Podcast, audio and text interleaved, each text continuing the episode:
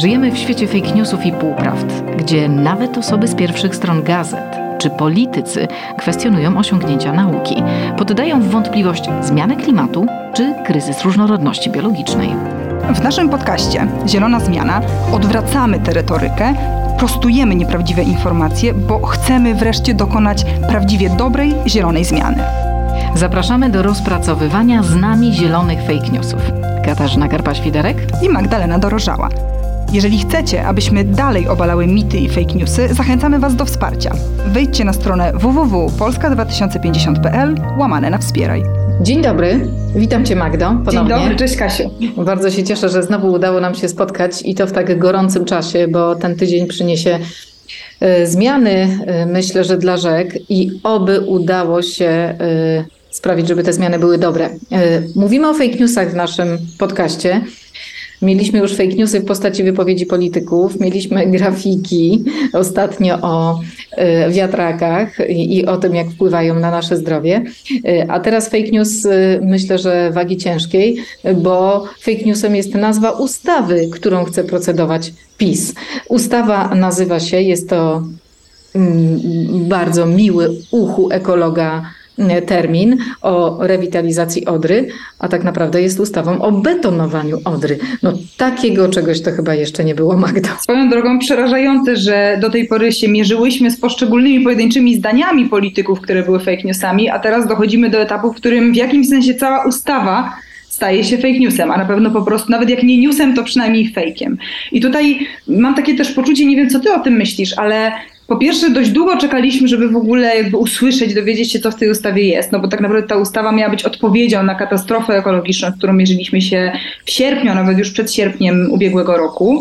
I po tych y, paru dobrych miesiącach mamy kształt ustawy, który kompletnie nie odpowiada temu, co wtedy widzieliśmy, czyli śnięte martwe ryby, skorupiaki i inne organizmy. E, I tak naprawdę kompletny brak decyzyjności z punktu widzenia tego, co robił rząd, i kompletny brak przyznania co było powodem tej katastrofy. To w ogóle jest bardzo ciekawy wątek, to w jaki sposób PiS proceduje różne ustawy, bo na zdrowy rozum jest tak, że jeżeli chcesz zmienić prawo, które dotyczy kogoś, to tego kogoś pytasz. I jeżeli chcesz je zmienić, to pytasz tych, którzy się na tym znają. A PiS robi kompletnie odwrotnie, bo pyta e, nie tych, których to dotyczy, czyli nie pyta społeczeństwa. No oczywiście zapytał KGHM, którego to dotyczy, bo akurat jest jednym z trucicieli Odry.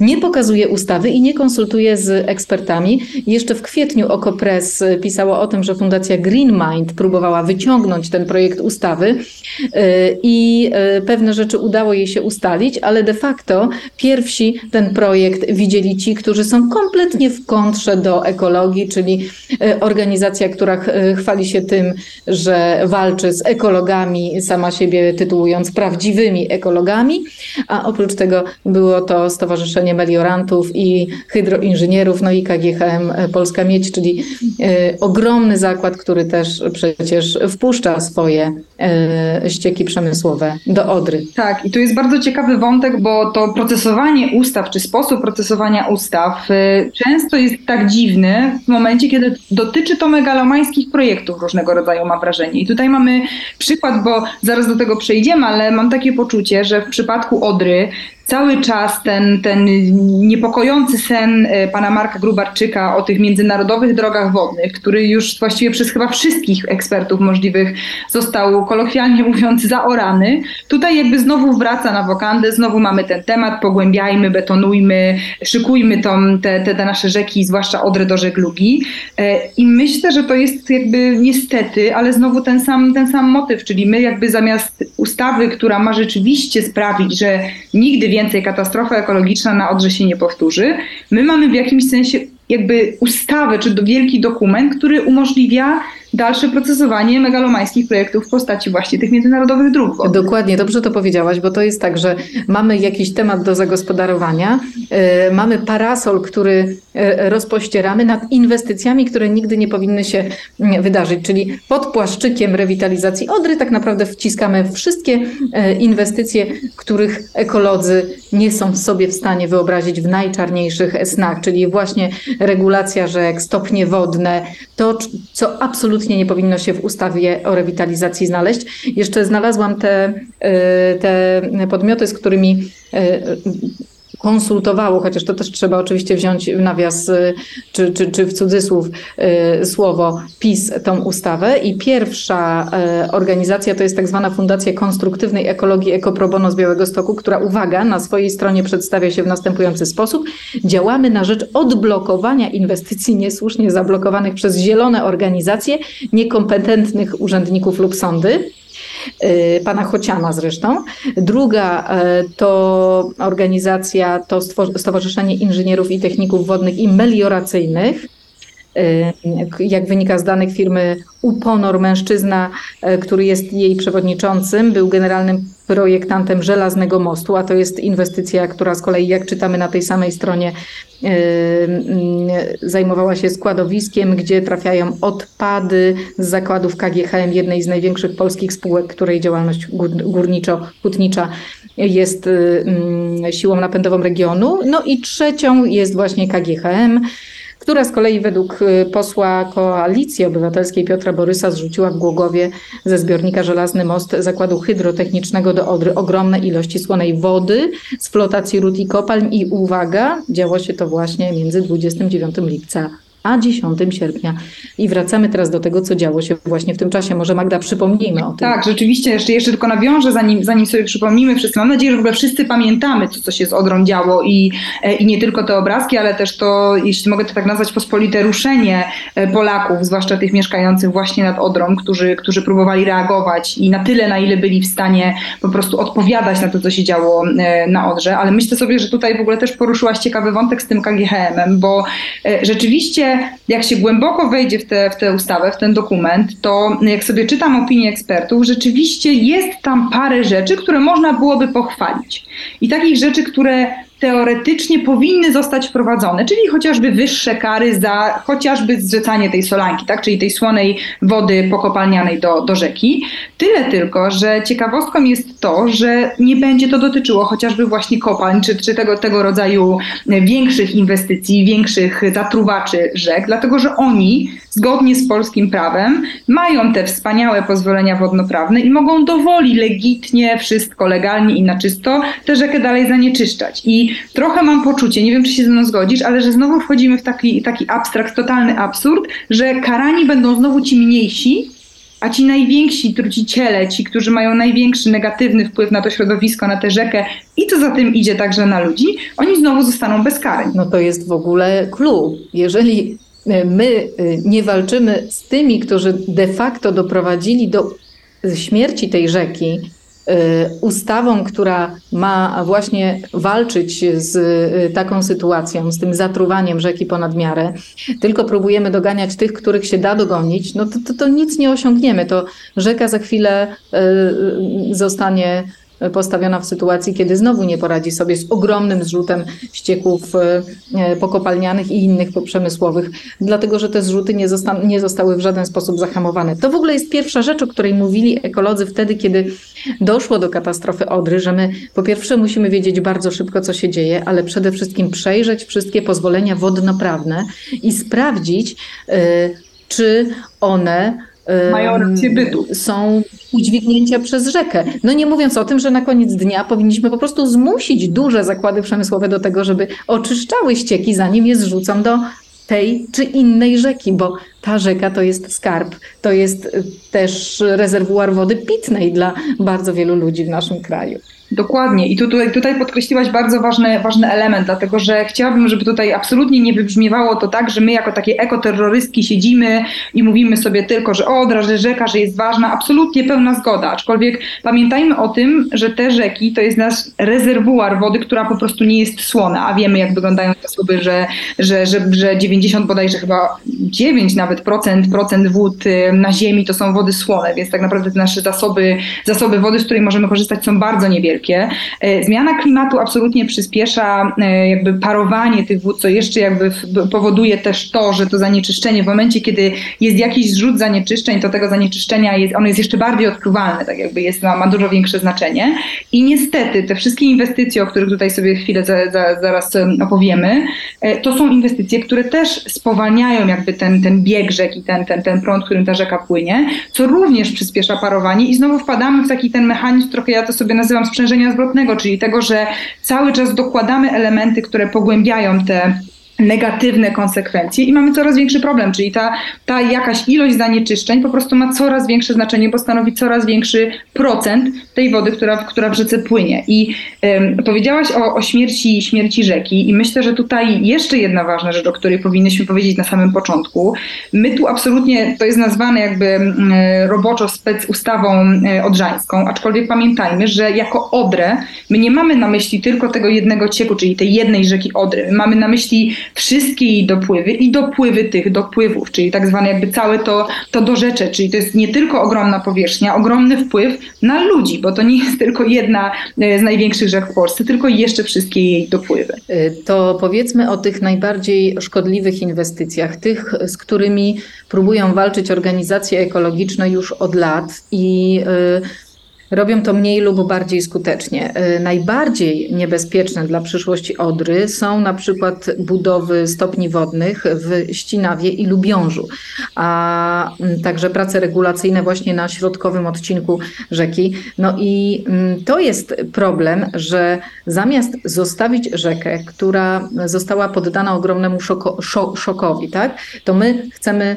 tym momencie jeszcze ją betonować, chcemy budować stopnie wodne, chcemy tą rzekę spiętrzać y, i doprowadzić do tego, że będzie jeszcze trudniej jej się oczyszczać. Bo chyba to jest bardzo ważne, żebyśmy zrozumieli, że im bardziej naturalna rzeka, im bardziej meandrująca, czyli mająca dłuższy bieg, bardziej naturalna w kontekście też tego, co nad nią co przy niej rośnie, tak? czyli ma lasy łęgowe, tym rzeka, e, tym bardziej zdrowa rzeka. Ona wtedy ma większą szansę na mm, oczyszczanie się, większą szansę na to, że też e, środowisko zaabsorbuje z niej jak największą ilość wody. To jest rzeka też, która wolno płynie. Jeżeli my tą rzekę prostujemy, regulujemy, nie daj Boże, budujemy kolejne stopnie wodne, no to mamy do czynienia z sytuacją, w której ta woda bardzo szybko odpływa ze środowiska ze wszystkimi zanieczyszczeniami, także oczywiście, także tymi, e, które trafiają do niej z mm, przemysłu. No i chyba jeszcze jedną rzecz trzeba powiedzieć. Te nasze rzeki od dawna traktujemy jak ścieki, bo y, proszę zauważyć, że to są nie tylko miejsca, do których y, zrzucane są y, pokopalniane czy poprzemysłowe odpady, ale to jest także miejsce, do którego wpływają ścieki komunalne. Czyli bardzo wiele gmin nadal nie oczyszcza odpowiednio ścieków, tylko po prostu zrzuca je bezpośrednio do mniejszych, większych rzek. One potem spływają do tych największych, a na koniec do Bałtyku.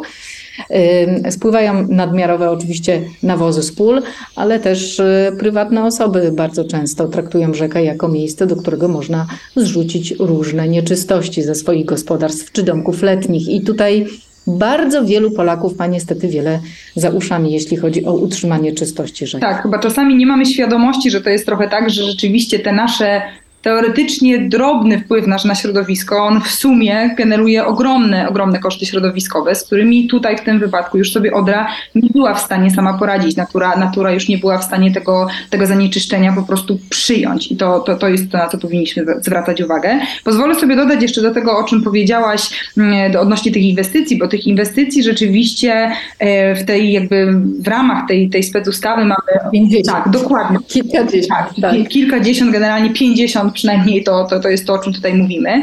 I dla mnie akurat ważna, ważna rzecz, którą bym chciała wyciągnąć, to jest przebudowa chociażby koryta Warty. Warta jest dla mnie rzeką, z którą jestem od dziecka, dlatego że wychowywałam się e, i mieszkałam pierwsze kilkanaście lat życia w Koninie nad samą Wartą.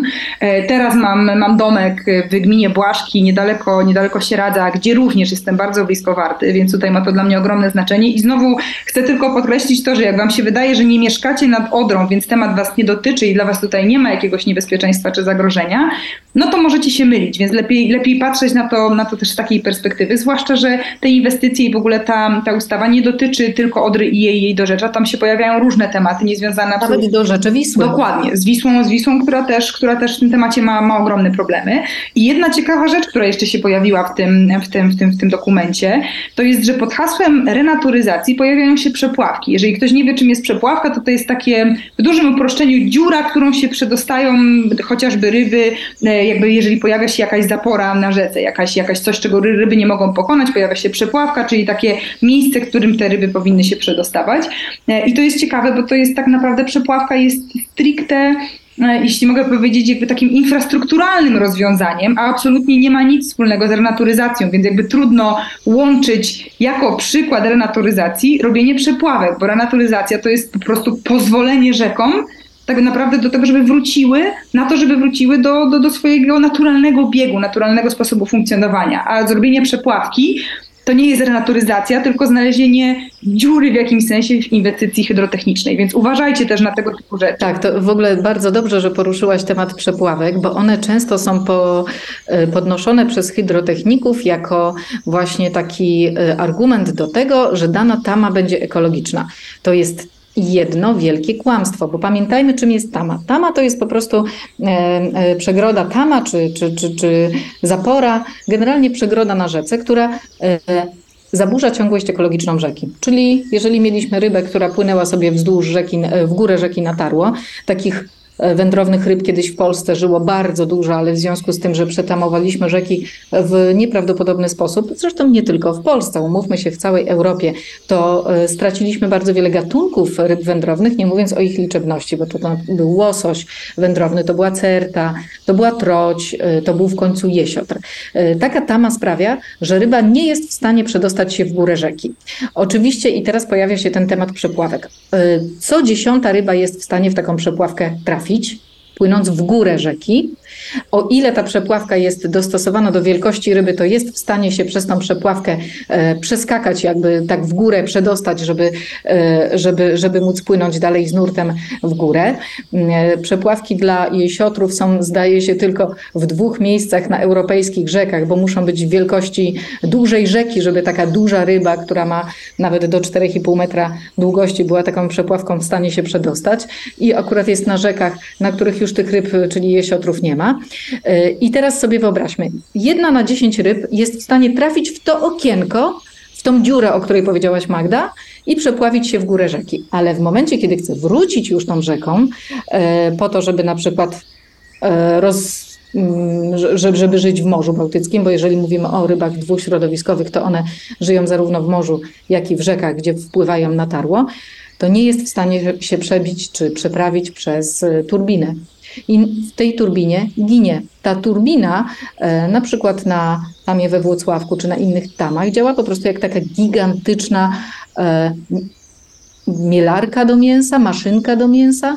Czyli na pewno gilot, gilotyna co najmniej. Gilotyna, czyli ta ryba w jedną stronę jest w stanie się przepławić, e, tracąc ogromną ilość energii, bo pamiętajmy, że to jest dla niej ogromny wysiłek. E, trafiając zresztą do jeziora zaporowego, w którym bardzo często się gubi i ginie potem z, drapie, e, z powodu drapieżników, które taką rybę zupełnie ogłupiałą, która jest przyzwyczajona do nurtu rzeki, nagle w takim wielkim jeziorze zaporowym wyławiają. Ale załóżmy, że nawet jedna na ileś jest w stanie dotrzeć na to miejsce na tarło, ale nie jest już w stanie wrócić. Czyli czym są przepławki? To jest taki plaster na wielką ranę, który tak naprawdę nic nie daje. Gdyby dawał, a mamy przecież przepławki, to mielibyśmy ryby wędrowne, a niestety ich nie mamy, bo mamy tamy. I teraz rząd PiS w ramach rewitalizacji rzeki Odry chce budować kolejne stopnie wodne, e, zabijając tak naprawdę ciągłość rzeki, zabijając tamten ekosystem. A to wszystko jeszcze podsumujmy jednym ważnym elementem, czyli kwestią kosztów, bo kwestia kosztów, już pomijając to, to co powiedziałaś i, i jakie to ma konsekwencje, my tutaj mówimy o, o wydatkach rzędu ponad miliarda złotych, 1,2 miliarda złotych. To są e, pieniądze na te inwestycje, to są pieniądze na to, żeby tak naprawdę no, tę rzekę regulować, regulować dalej, w dużym uproszczeniu mówiąc, betonować. I ja mam też takie poczucie, bo, bo akurat miałyśmy z Kasią przyjemność wspólnie z europosłanką Różą Tun jakiś czas temu e, organizować taki okrągły stół na temat wody, w którym brali udział różni eksperci, NGOsy, e, także, także organizacje społeczne. Mhm, tak, organizacje mhm. społeczne, politycy jak opozycji demokratycznej i rzeczywiście jakby, tu nie będę wam tutaj opowiadała ze szczegółami, zresztą zachęcam was, bo można, można transmisję z tego wydarzenia obejrzeć na Facebooku, ale myślę, że główna myśl z tego, o czym rozmawialiśmy, to jest, że renaturyzacja to jest to, na co powinniśmy postawić, a nie regulacja. I trochę zaczynam mieć poczucie, że dużo jest tych słów, które się zaczynają od RE, I może ta rewitalizacja też do tego dochodzi i się ktoś po prostu myli, bo to, że chcemy wydać 1,2 miliarda złotych na tak naprawdę regulację rzeki, jej dopływów i dopływów tych dopływów, no to jest tu po prostu ogromnym błędem. Wszyscy eksperci są zgodni. Inwestycje hydrotechniczne wpływają destrukcyjnie na ekosystem, ekosystem rzeki i całe jakby jej doliny. W zależności od tego, o których rzekach oczywiście mówimy w różnych miejscach, ten wpływ jest większy lub mniejszy, ale absolutnie jest to do tego pełna zgoda. Więc gdzieś tutaj mam wrażenie, że po raz kolejny rząd popełnia ogromny błąd, idąc wbrew nauce, wbrew temu, co mówią eksperci, za to będąc pro inwestycjom i wydawaniu pieniędzy, wyrzucaniu ich w błoto, kolokwialnie. Tak, ja y, y, czasami jak jadę do domu y, autobusem, to widzę taki plakat przy ulicy, na którym jest napisane brzydko, drogo, nieterminowo. Drukarnia jakaś tam jakaś. Y, bardzo mnie to zawsze bawi, bo jest to, oczywiście idzie to w sprzeczności z, z tym, czym normalnie jest reklama, czyli chwalimy swoje, swój ogonek jak ta pliszka, a nie mówimy, że, że jest brzydko, drogo, nieterminowo, ale zwraca to uwagę, prawda?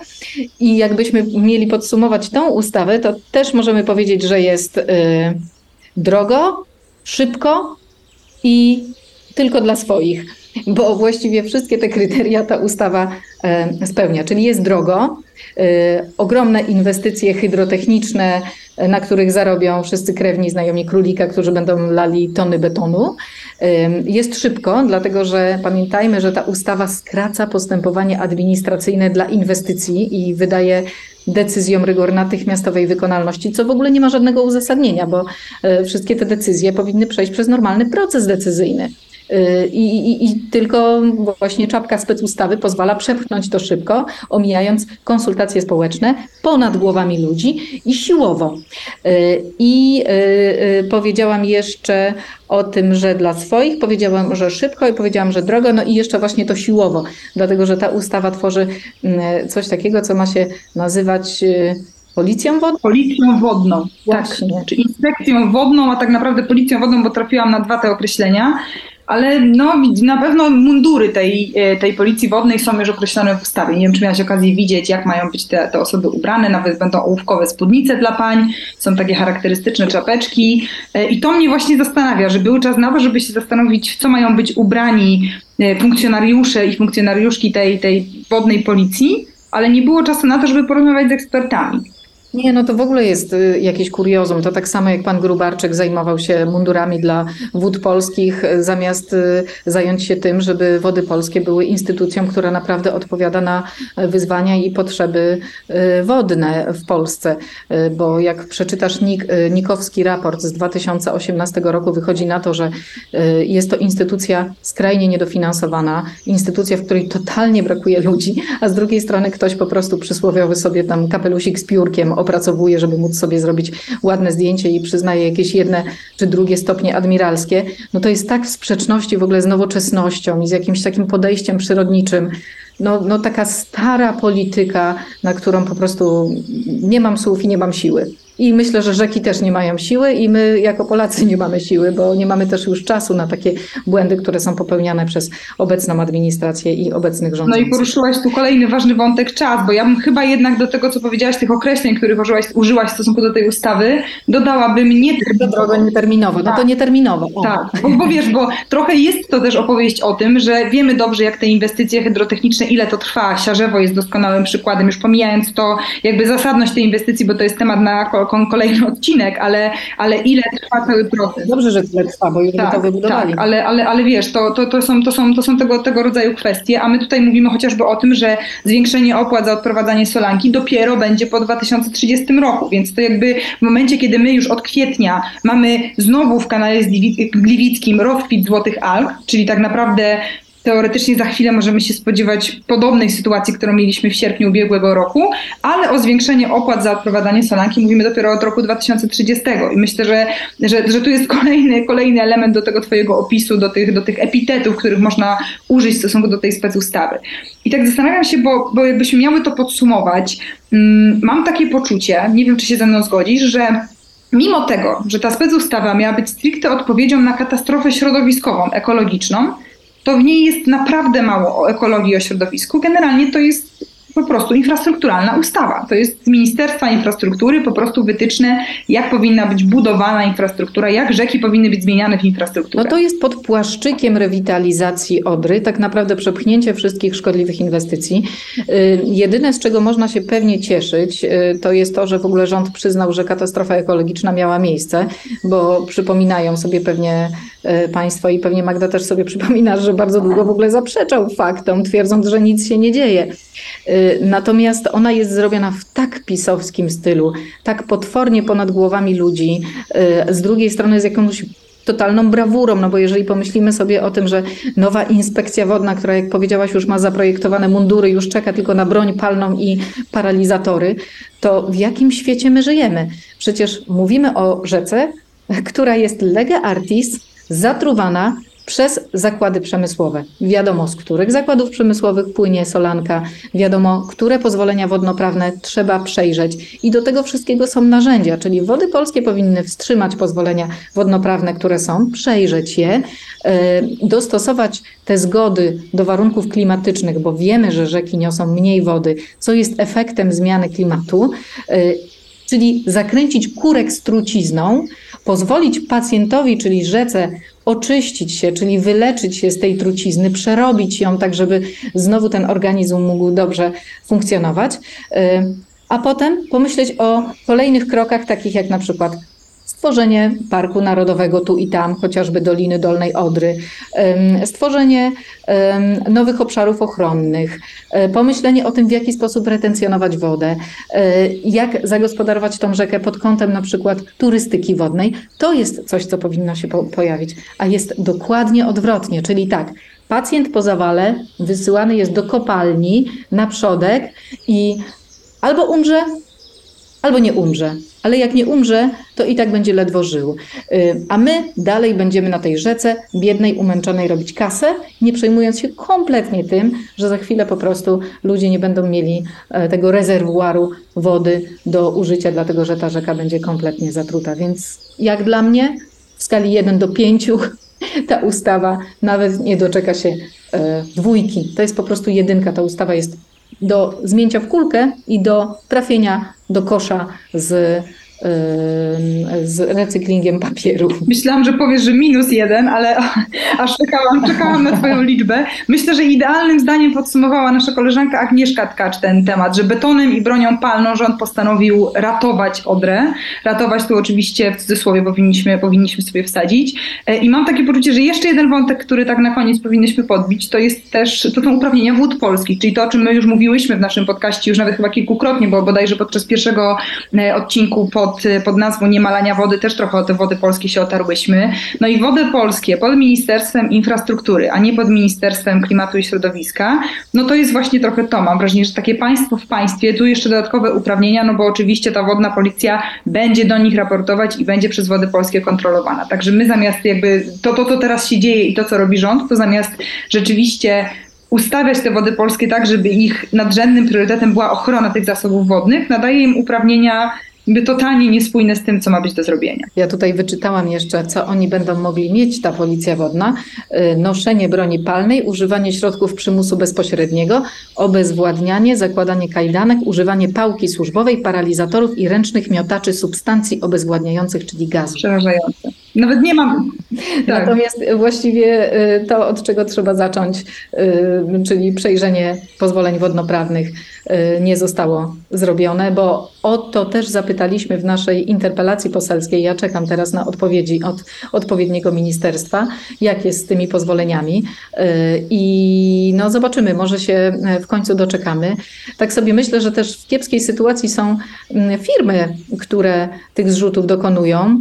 Nie to, żebym się jakoś z nimi szczególnie solidaryzowała, ale myślę sobie, że też stoi na głowie to, że oni faktycznie działają zgodnie z prawem, czyli oni otrzymują zgody, robią to, co robią. Na koniec dnia też y, są za to oceniane bardzo negatywnie.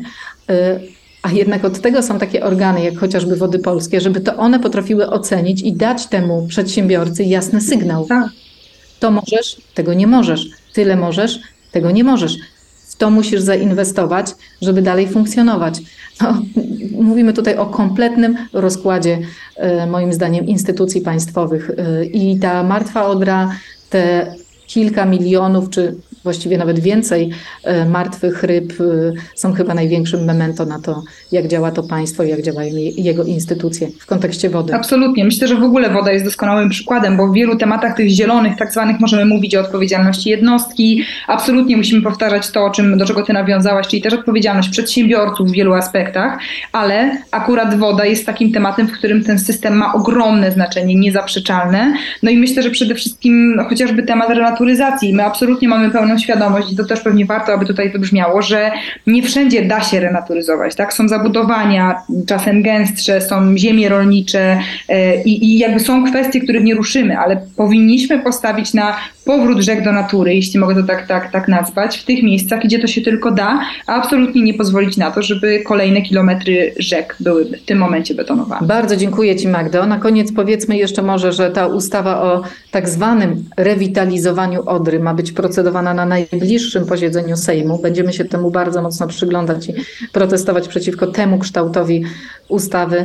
No i co mamy nadzieję, że po prostu zostanie ona wyrzucona tam, gdzie jej miejsce, czyli na śmietnik historii. Dokładnie tak. Także zachęcamy Was do tego, żebyście też obserwowali, śledzili tę sytuację. My będziemy na pewno czujni i zachęcamy Was do tego, żebyście słuchali Zielonej Zmiany. Słyszymy się w kolejnym odcinku. Dziękuję Ci, Kasiu. Dzięki, do zobaczenia. Do zobaczenia, do usłyszenia.